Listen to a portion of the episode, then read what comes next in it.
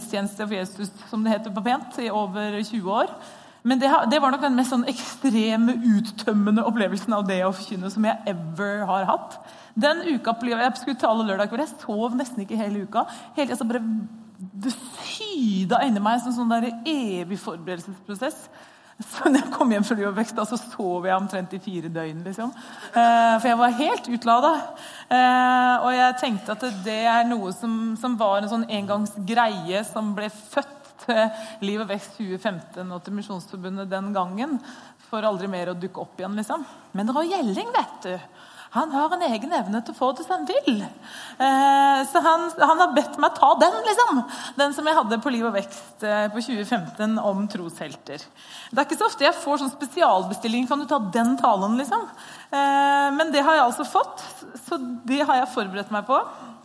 Eh, og det skal jeg gjøre.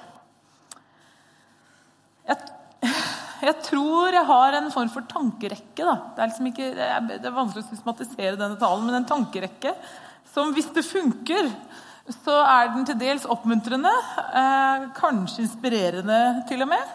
Og forhåpentligvis også litt utfordrende. og Hvis vi er skikkelig heldige, så kan det også være forløsende inn i livet ditt. Greia er, kjære, ærede forsamling, at vi er her i dag du er her i dag fordi at i generasjoner før oss så har mennesker gitt sin tro videre. Ikke vel? Vi er her i dag fordi at i generasjoner før oss så har mennesker gitt sin tro videre. I den grad vi har noen som helst form for suksess i det vi holder på med, så er vi veldig ydmyke, for vi står på skuldrene til de som har gått foran. Noen som levde med et annet fokus enn seg selv. Og Noe av det som virkelig fyller meg med både tro da, og ydmykhet, det er faktisk da å fordype meg i livet til de som har gått foran. Og jeg vet ikke, Det er kanskje noen av dere her som har hatt faget troshelter med meg på Ansgarskolen. Eller kanskje dere er for unge til det, men i flere år hadde vi det som eget fag. Og Da måtte hver elev finne seg en troshelt som man skulle lese om og studere og fordype seg i livet til. Det var ett kriterium for egentlig det måtte være en for troshelt, det som man gjort noe innen kristen verden. Men han måtte være død, da. Eh, fordi at eh, Man skulle også se at det liksom hadde holdt løpet ut, og hvordan utgangen av livet hadde vært. det. Jeg syns det var et utrolig spennende fag. Det var kanskje litt subjektivt der. Eh, men det gjelder de vi skal hilse på i kveld, og av mine troshelter. De er alle hjemme hos Jesus. Det som ble spesielt for meg, for jeg har sittet mye nå de siste par dagene og jobba med dette her for å liksom komme inn i den talen igjen, og det at jeg sto på Liv og vekst på 2015 og sa at hadde det ikke vært for at de må være døde, disse trosheltene, så hadde mine foreldre mamma og pappa, vært mine første troshelter jeg skulle snakke om.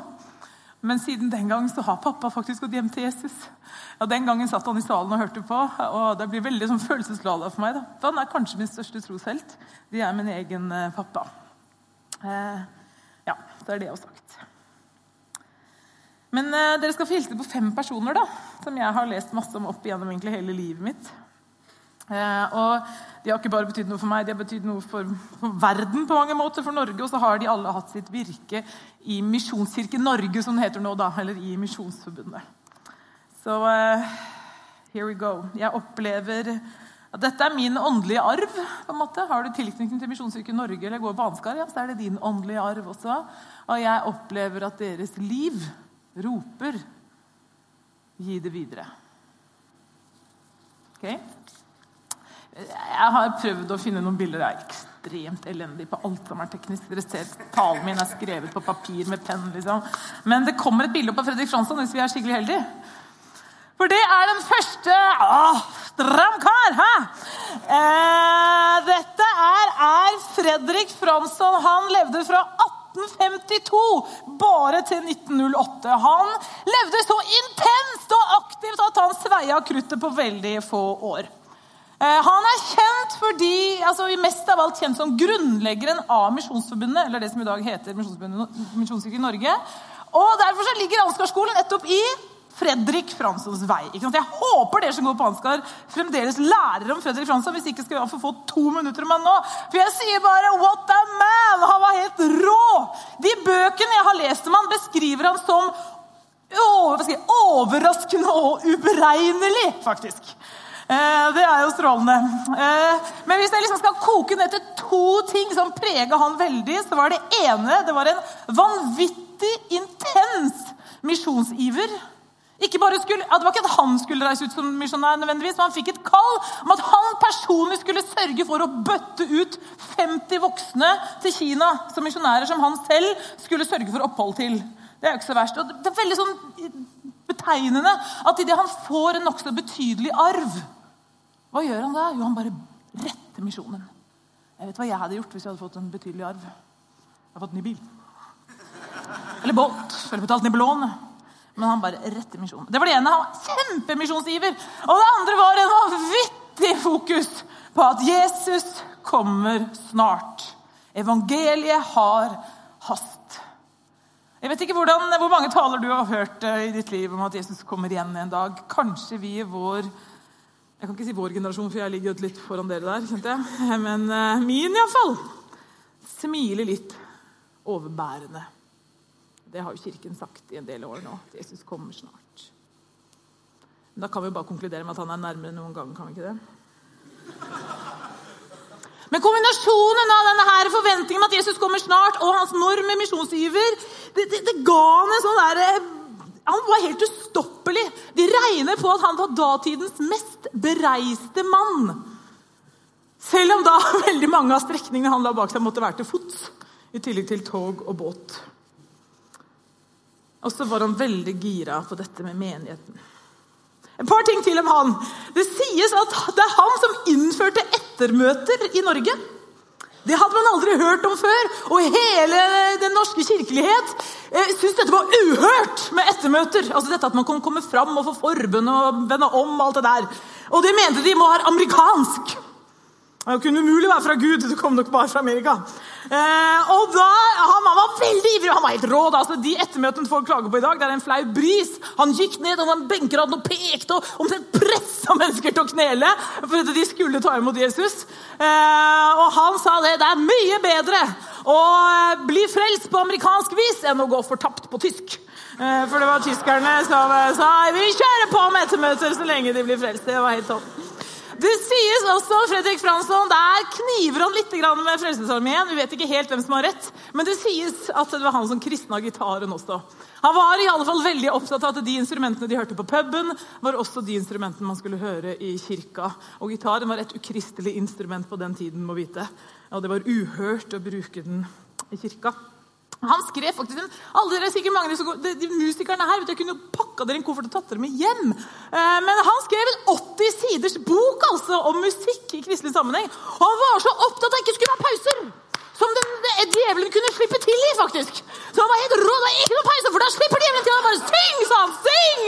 Og det måtte være fart, og det måtte være engasjement. Og han var helt, og dette har han skrevet en lang bok om. Og så var han veldig opptatt av at faktisk kvinna også kunne være forkynner. Tenk allerede på 1800-tallet! Han skrev en lang bok om at Eders døtre skulle profetere. Eh, og Det er den sammenheng jeg vokste opp i. Så Jeg har aldri møtt noen motstand for at det skulle være kvinne og pastor. Eksempel. Siste greia, Det beste eksempelet på hans ustoppelige iver synes jeg er at han ble lurt faktisk. Han var i Danmark, han var jo overalt. Eh, av et ektepar, og han endte opp i dansk fengsel. Eh, og etterpå så ble han utvist av Danmark for sin iver for evangeliet. Eh, og jeg kan bare si at vi utvist av et land. Da hadde jeg gått nokså snurt og sagt da kan dere bare ha det så godt. Men da tenkte han hvordan kan jeg løse dette? Jo, da Hvis vi ikke kan tale i Danmark, da taler jeg fra en båt inn til Danmark. Så han sto på en båt, og så talte han Guds ord innover det danske land for å liksom ikke, ikke gi seg. Jeg tenker, da, da gir du alt. Han ble spytta på, han ble forfulgt, han ble utvist. Han, han ga alt, han fikk mange nesestivere. En av de største var kanskje denne. Han hadde en utfordring og en sorg i livet egentlig, som han bar med seg. Og det var det at han ble så forelska. Det var sangfuglen Ida. Og han skrev brev til Ida og spurte om hun ville bli hans hustru. Og han gikk i fjellene i Norge og ba til Gud og venta på svar. Og det ble nei. Og Da sa han at kan jeg ikke få Ida, vil jeg ikke ha noen. Så det ble han og Herren, og han var singel i hele sin tjeneste. Jepps! Det var Fredrik Fransson! jeg skal prøve å trekke noen tråder sammen. Jeg skal ikke snakke like lenge om alle, men jeg skal si litt om nestemann også. Eh, Nestemann i rekken over helter fra Misjonsforbundet, og som jeg har hatt stor innflytelse på mitt liv og min tro, det er en broder som heter Frank Mangs. Ah, altså Nok en stram kar. altså Her er han fra sine yngre dager. Han var en svensk-finsk evangelist. Han levde mye lenger. Han levde fra 1897 til 1994. Um, han er liksom forkynneren, predikanten, sjelesørgeren. Men jeg, dere må bare vite om han, hvis ikke dere vet. Dere må vite at det, på 30-tallet var det noe i Oslo som het Mangsvekkelsen. Det var så mange mennesker som ble frelst på 30-tallet i Oslo at hele byen var på huet. Og skulle, altså De fant ikke store nok lokaler, for de bare sprengte alle lokaler. Og det sies at skulle du ta trikken eller hvor som helst, så kunne du bare spørre liksom, hvor er disse mangsmøtene, så sa alle bare 'følg strømmen'. Uh, for det, det, det, det, det bøtta på med mennesker. Alle menigheter i Oslo vokste, og ikke minst da Misjonsforbundet. En forkynner av Guds nåde. Jeg håper hvis noen av dere er glad i å lese, at det var ingen som kunne lese, skrive eller tale om han som om livets ånd, om åndens liv. Det fins lydspor på nettet. Han var altså profeten. Han fikk noen syner og noen visjoner som tar tida vår fremdeles på kornet. Og han forteller helt på slutten av sitt liv, så sier han når jeg så disse tingene, så bare sank jeg ned på mine knær og så sa jeg, Gud, kunne jeg vært 60 år yngre og fortsatt å tjene deg med hele min iver? For dette her må jeg liksom forfølge. Akkurat som Fransson så hadde han noen utfordringer. Fransson fikk aldri sin Ida.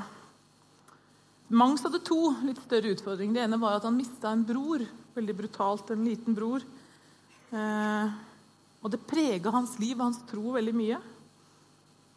Og så kan du tenke deg store Frank Mangs, som sto i vekkelse i Oslo, og som var kjent i hele Skandinavia. Og tusenvis av mennesker ble frelst under hans forkynnelse. Han ble skilt. Det var så ille at man kunne stikke ikke si det på 30-tallet. Han har skrevet tre bøker som heter 'Høyst personlig 1, 2 og 3'. Er så le Jeg syns ikke det er morsomt engang. Det er veldig vittig. Eh, det syns jo dere. Ehm, men det er så leseverdig. Hvor han snakker, om, han, han snakker om melankoli, om ensomhet, om dystre tanker, om tungsinn. Samtidig som det var en sånn gudmor. For meg, jeg, jeg, sluker de bøkene. For jeg er sånn som er, å, helt crazy på scenen, og så kan jeg komme hjem og så å. Det er også en del av livet.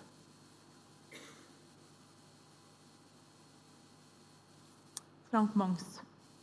Gudmund Oda forkynner, ble skilt. Tredje troshelsen jeg har lyst til å fortelle dere litt om, ehm, det er kanskje den mest kjente vi har i Misjonskirken Norges rekker. Vår store stolthet, Annie Skau Berntsen. Her tok jeg ett bilde fra hun var veldig ung, og et helt eh, på slutten før hun gikk hjem til Jesus. En Hortens-jente som var sykepleier med et kjempehjerte for Jesus og et kanskje enda i fall like stort et, til kineserne. Hun var altså sykepleier i Horten og opplevde bare så hva hun sier. Jeg sa, hun satt det tre i Bøkeskogen og opplevde at kjærligheten til Kina omtrent deiste ned i fanget hennes. Og hun måtte bare dra. Og Det fins mye å si om henne, at man må bare være forsiktig. hvis ikke blir man aldri ferdig, Men det fins misjonsfilmer, så jeg håper dere har sett om våre første Kina-misjonærer. Veldig mange pakka i sine egne rikkister, for de regnet med de aldri kom tilbake. Litt mer enn eventyrlyst som drev det til misjon.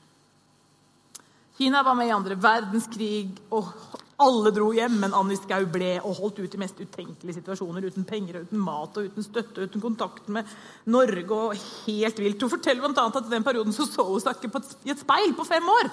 Eh, ikke fordi hun var forfengelig, eller noe sånt, men det var jo ingen speil der. i fattigdommen. Og da, etter fem år, første gang hun så seg et speil, så fikk hun sjokk! Eh, fordi at hun hadde jo bare sett små kinesere, så hun trodde jo liksom på at hun selv så ut som kineser. Men det gjorde hun på ingen måte. Eh, hun var Jeg har sett henne, og hun, jeg er ganske stor, men hun var gigantisk, på en måte. da. Min pappa trodde jeg var stor, men hun klemte han, så ble han liksom borte. Eh, så det var ja, er helt fantastisk å lese. Og Hun forteller også om en av de dagene for hun gikk og gikk fra landsby til landsby i Kina for å dele evangeliet om Jesus. Og hadde gått og gått og gått og var trøtt og hun var lei og hadde gnagsår og var sulten. Og så sier hun Vet dere hva jeg begynte å kjenne på? Selvmedlidenhet. Og Da blei hun så forskrekka at hun kunne tillate seg å synes synd på seg selv! Hun som var ute med evangeliet, så sa da gikk jeg avsides. Og så fant hun et balltre og ga seg selv juling på blanke messingen. For aldri mer å skulle la den følelsen av selvmedlidenhet snike innover seg. Å nei, det er litt langt, for jeg må ta buss til Randesund.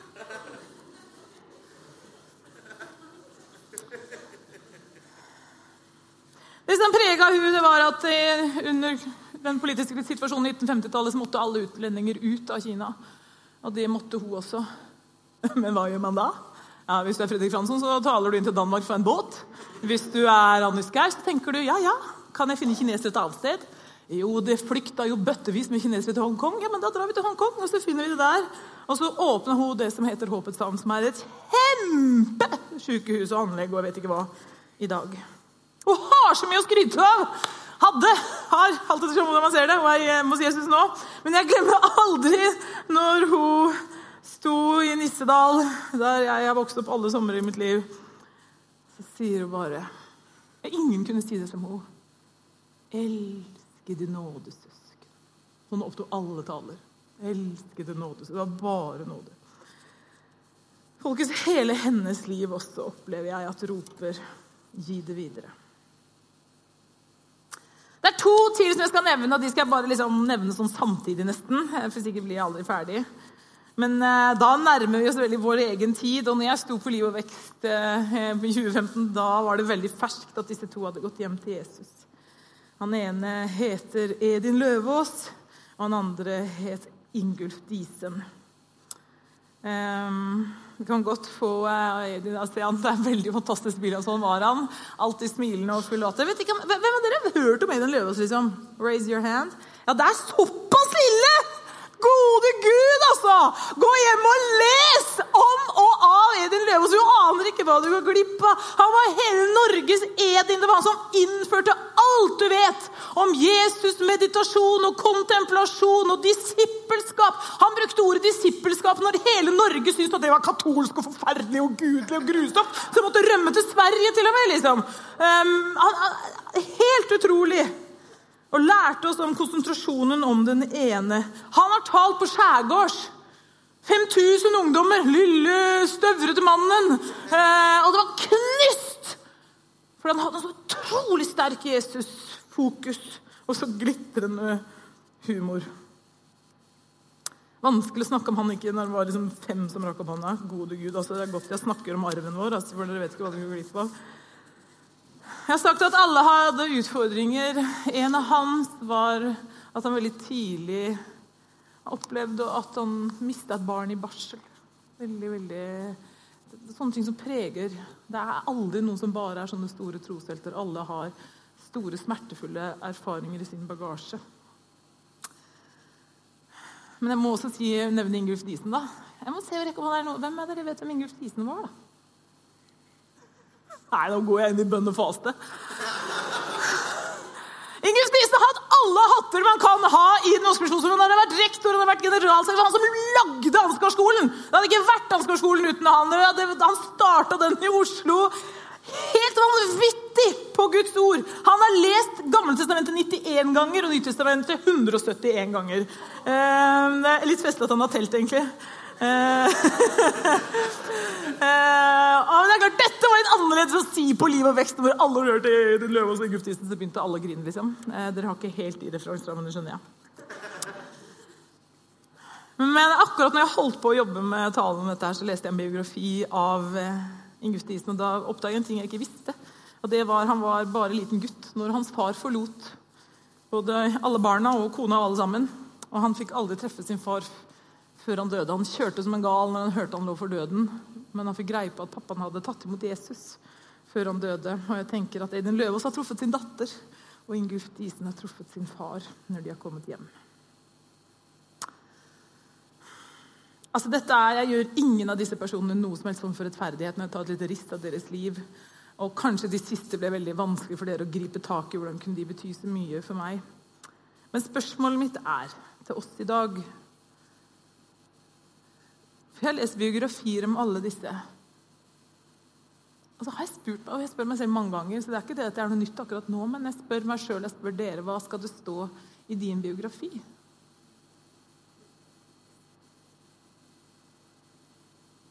Hva skal det stå i din biografi? Hvem lever vi for? Kan noen si meg når jeg begynte å tale? Ja, det er perfekt. Hva skal det stå i din biografi? Hva lever du for? Så er det veldig fort å tenke, da, vil jeg tro. Og hun sier jeg er ikke sånn troshelt-type, liksom. Eller det går litt nedover meg akkurat nå. Kjenner til det, og det tror jeg alle disse trosheltene jeg har snakka om, kjente veldig mye til. Men jeg har veldig lyst til at vi skal gå til Skriften sammen. Dere er vel så moderne at dere har vel ikke med dere boka engang. Eh, men eh, jeg holder nå en knapp på den her, jeg, da. Dere skal få det på skjermen nå, Hebreerne 12. Jeg skal bare lese de to første versene i Hebreerne 12. Jeg tror jeg hadde det på den siste sliden. hadde jeg ikke det? Nesten på grensa til uhøflig å komme til Skriften så sent i talen, men uh, forhåpentligvis det, det, er den Skriften jeg skal sitere, så jeg håper dere kan huske den. Jeg vet ikke om dere kjenner Hebreerbrevet godt, men Hebreerbrevet 11 er det kapitlet hvor man skriver om alle de som har dødd i tro, faktisk alle de som har gått foran. Hav av de. Noen ble sagd i stykker, sto det, og noen ble drept, og noen ble kasta for løvene, og noen ble mørkurøst helbreda. Men uansett så døde de i tro. Det er stort sett det kapittel 11 handler om. Og så kommer kapittel 12, og så står det i starten at det er derfor. Og derfor peker det tilbake på alle de som har gått foran. Når vi har så stor en sky av vitner omkring oss Det er alle de som har gått foran. Er rart å tenke på? Er de en, er de en heiagjeng? Ja, jeg vet ikke helt hvordan det funker. Men det er iallfall en sky av vitner, de som har gått foran. Så la oss legge av alt som tynger jeg må stoppe med den setningen. Bibelen er ikke veldig sjelsørgerisk. Tenk hvis noen kom til meg og sa jeg føler meg så tynga. Ja, kan du bare legge det av?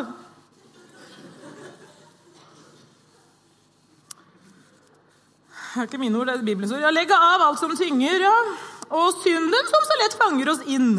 Det er en ny oversettelse. Den gamle oversettelsen står synden som så lett fester seg ved oss. Jeg synes kanskje det var vel så godt, men det er samme det. Synden fanger oss lett inn og med utholdenhet fullføre det løpet som ligger foran oss, med blikket festa på Han som er troens opphavsmann og fullender Jesus. Greia er altså den at Vi har en sky av vitner omkring oss. Og så anbefaler Skriften oss i den grad vi klarer å legge av oss det som tynger, legge av oss synden som vi så lett vikler oss inn i, og så skal vi gjøre det løpet som er for oss. Og det var skikkelig sånn predikantstemme, hørte du det? Halleluja! Det løpet som er for meg, all sannsynlighet annerledes enn det løpet som er for deg. Det løpet som var for Frank Mann, så veldig annerledes ut enn det som det var for Fredrik Fransson, for de var ekstremt forskjellige typer. Annie Skau hadde sin greie, Inguf Disen hadde sin, og Edin Løvaas Edin Løvaas var den kontemplative. Og, og, og Inguf Disen hadde bare én greie, og det var Bibelen, Bibelen, Bibelen. Også Bibelen og nåden. Men det er et løp som er lagt opp for deg. Det finnes et løp for deg som han kaller deg inn i. Og Det fins nemlig en, noen likhetstrekk mellom alle disse fem heltene og alle heltene som vi måtte ha. De det er skrevet bøker om, og de det ikke er. At det er det at alle sammen var mennesker. Det finnes ikke overmennesker. Vet du det? Det finnes ikke Supermann. I tilfelle du trodde det. Eller Batman. Det fins ikke. Det fins bare mennesker. Og alle disse her fem, de var mennesker. Men det de gjorde, det var umulig i egen kraft. Det var kun mulig på grunn av Gud. Og jeg lurer på Og tro meg, når jeg snakker om disse tingene, så snakker jeg primært til meg selv. Jeg har tre unger, og de spiller håndball og volleyball og fotball. Og de er overalt. Og Espen er fotballtrener, og vi har hus og bil og lån og slalåmski og langrennsski og skøyteski. Kan du tenke deg ganger fem? Men den vandring du har i dag, er det sånn at den klarer du mer enn nok i din egen kraft? Derfor så erfarer vi så lite. For vi går liksom ikke ut der hvor det funker ikke hvis ikke Gud er med. på en måte. Vi safer. Det er et veldig åpent spørsmål.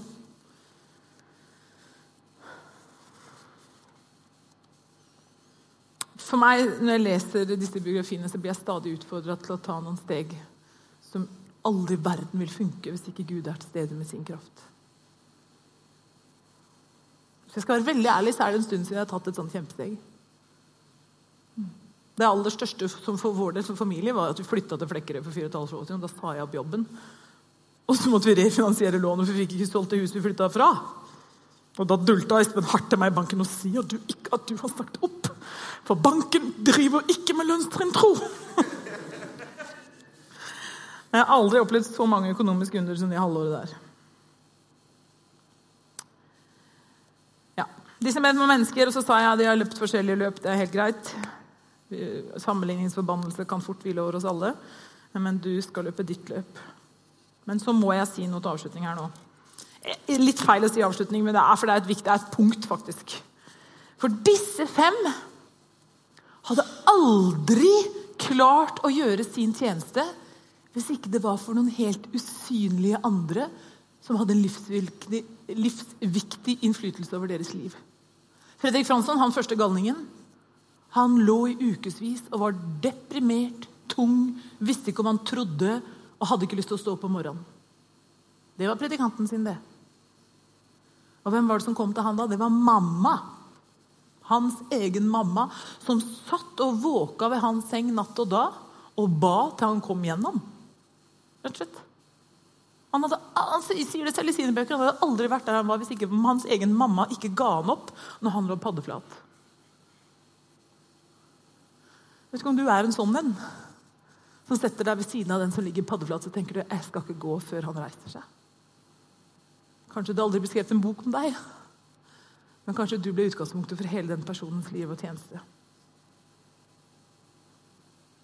Frank Mangs, hallo? Han var svensk-finsk. Hvorfor i alle dager skulle han komme til Norge? Det var ikke spesielt logisk. Hva begynte det med? Hvorfor han fikk Frank vekkelse i Norge? Jo, fordi det var en pastor i Oslo misjonskirke Betlehem som opplevde virkelig å få det fra Gud at Frank Mangs må komme til vår by. Det var bare et lite problem, det kostet så mye penger å arrangere en sånn svær kampanje. Og så ville han at det var Gud som skulle liksom sanksjonere det. Da. Så han sa til Gud jeg trenger den summen med penger, og jeg trenger det innen den søndagen. Hva vet jeg at du er med? Og så kan vi kalle Frank Mang så det blir vekkelse i Oslo. Det var greia. Det gikk dag én og dag to og dag tre og uke én og uke to og uke tre. Og så kom den søndagen som var siste deadline, hvor han sa Gud, jeg trenger de pengene. Og Jeg synes jeg ser for meg pastoren liksom masse folk i hva så mange det vet jeg egentlig ikke, men han hadde gudstjeneste, og Nå er, det siste dagen liksom kommer, kommer på med pengene i dag! Når han hilser på alle ved utgangen én etter én etter én. Og det er ingen! Det er tomt, det er stille, man går på kontoret og river seg i håret. Det står ikke akkurat at han river seg i håret, det var en kunstnerisk kunstnerisk Men han var nedtrykt. Han sa, Gud, var det ikke din tanke? Var det ikke deg jeg fikk det fra at Frank Mang skulle komme til Oslo? Og så kommer han ut av menighetslokalet. Og så møter han ei gammel dame. Og Denne gamle dama er veldig sjuk. Eh, og så har hun ei sur, liten, trekkfull loftsleilighet i nærheten. Og Gjennom hele hennes liv så har hun spart til sin pensjon. For Den gangen var det ikke noen pensjonsordninger. Og så hadde hun stappa alle pengene hun hadde spart til pensjonen sin, oppi en konvolutt. Og så sa hun når jeg ba i dag, så talte Herren at disse pengene skal du ha. Og så var det eksakt det beløpet som han hadde bedt om for at Frank Mang skulle komme. Men denne gamle dama hun tusla tilbake til, til, den leiligheten, og historiebøkene tror jeg ikke vet hva hun heter engang.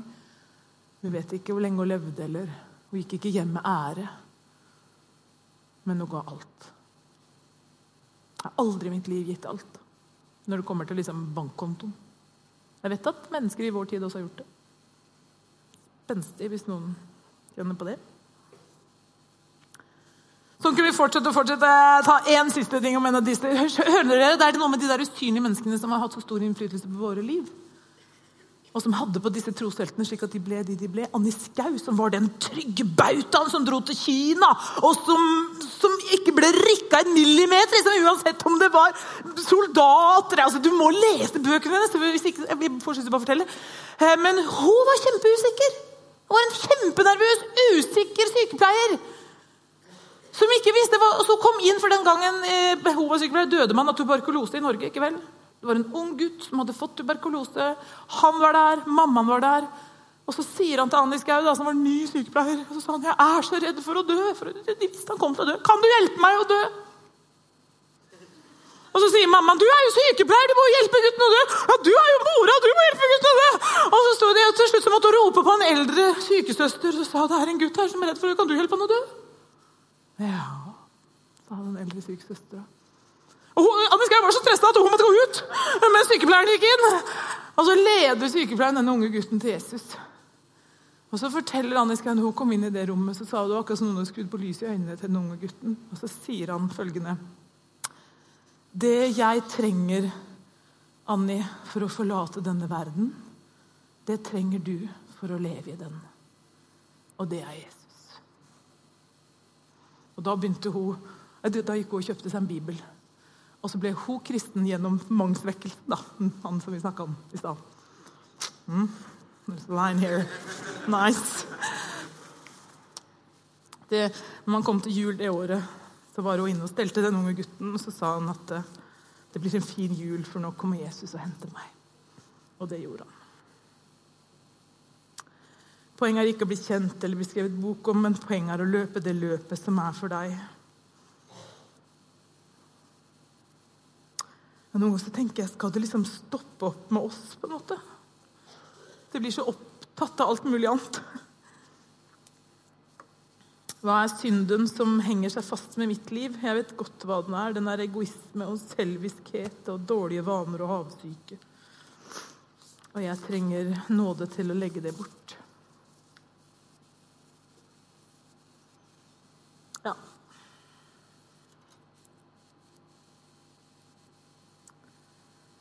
Jeg vet ikke hva Jeg kjenner at det er liksom 20 år siden eh, jeg var 23.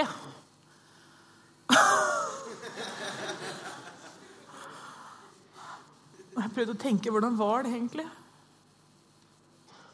Jeg var kontinuerlig forelska, eh, iallfall da jeg var student. Det var jeg veldig opptatt av. Men jeg, jo, jeg, husker at jeg var stort sett opptatt av å vinne verden for Jesus. Så det kan jo hende at det er det du er mest opptatt av òg. Da må vi bare be om at du får løpe det løpet som Gud har for deg, sånn at du varer hele veien. Men jeg hadde så lyst til å nevne at alle disse store heltene de hadde noen store tap i livet sine. Tap av en lillebror, tap av et barn, tap av en ektefelle.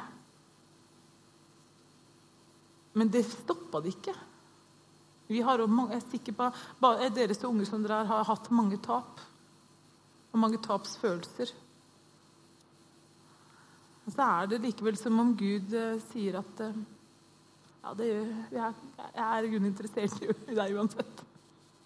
Jeg, jeg, altså, tro du meg, jeg er veldig lite glad i enkle løsninger. Og, men likevel så opplever jeg ganske mye på en måte, Hva er din unnskyldning liksom, for ikke å gønne på for Jesus?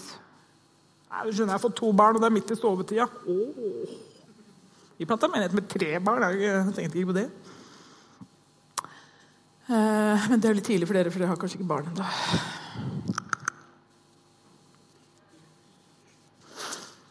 Jeg har eh, ca. ti forskjellige avslutninger, så jeg må bare vil velge én. Ja. Alltid en som passer for alle. Oi, oi, kjære Jesus. Kan vi bare be litt? Rann?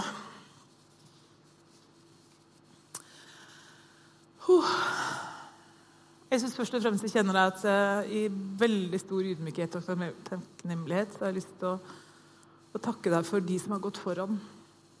Jeg takker deg for deres liv, Jesus.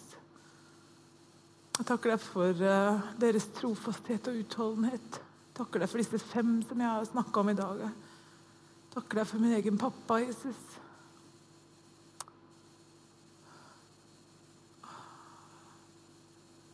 Og så vet jeg ikke hvordan jeg skal gjøre dette, her, Jesus, uten å jeg ber deg om at ikke det skal være sånn dårlig samvittighet-tale, men at det skal være tale, noe som du må komme i fall og gjøre sånn at det løfter, og at det utfordrer, og at det oppmuntrer og inspirerer til å løpe det løpet som du har for den enkelte av oss.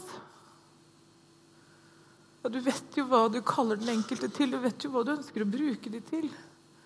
Om det er som revisor eller sykepleier eller pastor eller predikant, det vet jo du. Men jeg ber deg så inderlig om at um, du måtte kalle noen konkret. Lede noen helt konkret inn i det livet som du har for dem, for å løpe det løpet som du har kalt dem til. Jeg takker for det er utrolig gøy å være med på det løpet.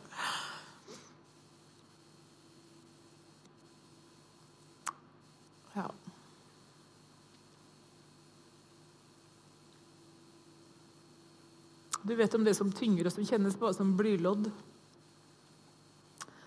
Jeg ber om at du må løfte.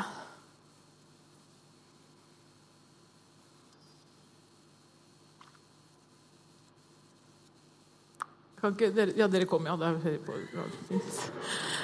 Helt av seg selv. Jeg tror det får være avslutningen. Altså. Jeg vet ikke om du tviler mest på deg selv eller om du tviler mest på Gud, men han eh, takler begge deler veldig bra.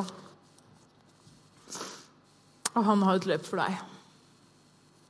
Hva skal det stå i din biografi? Amen.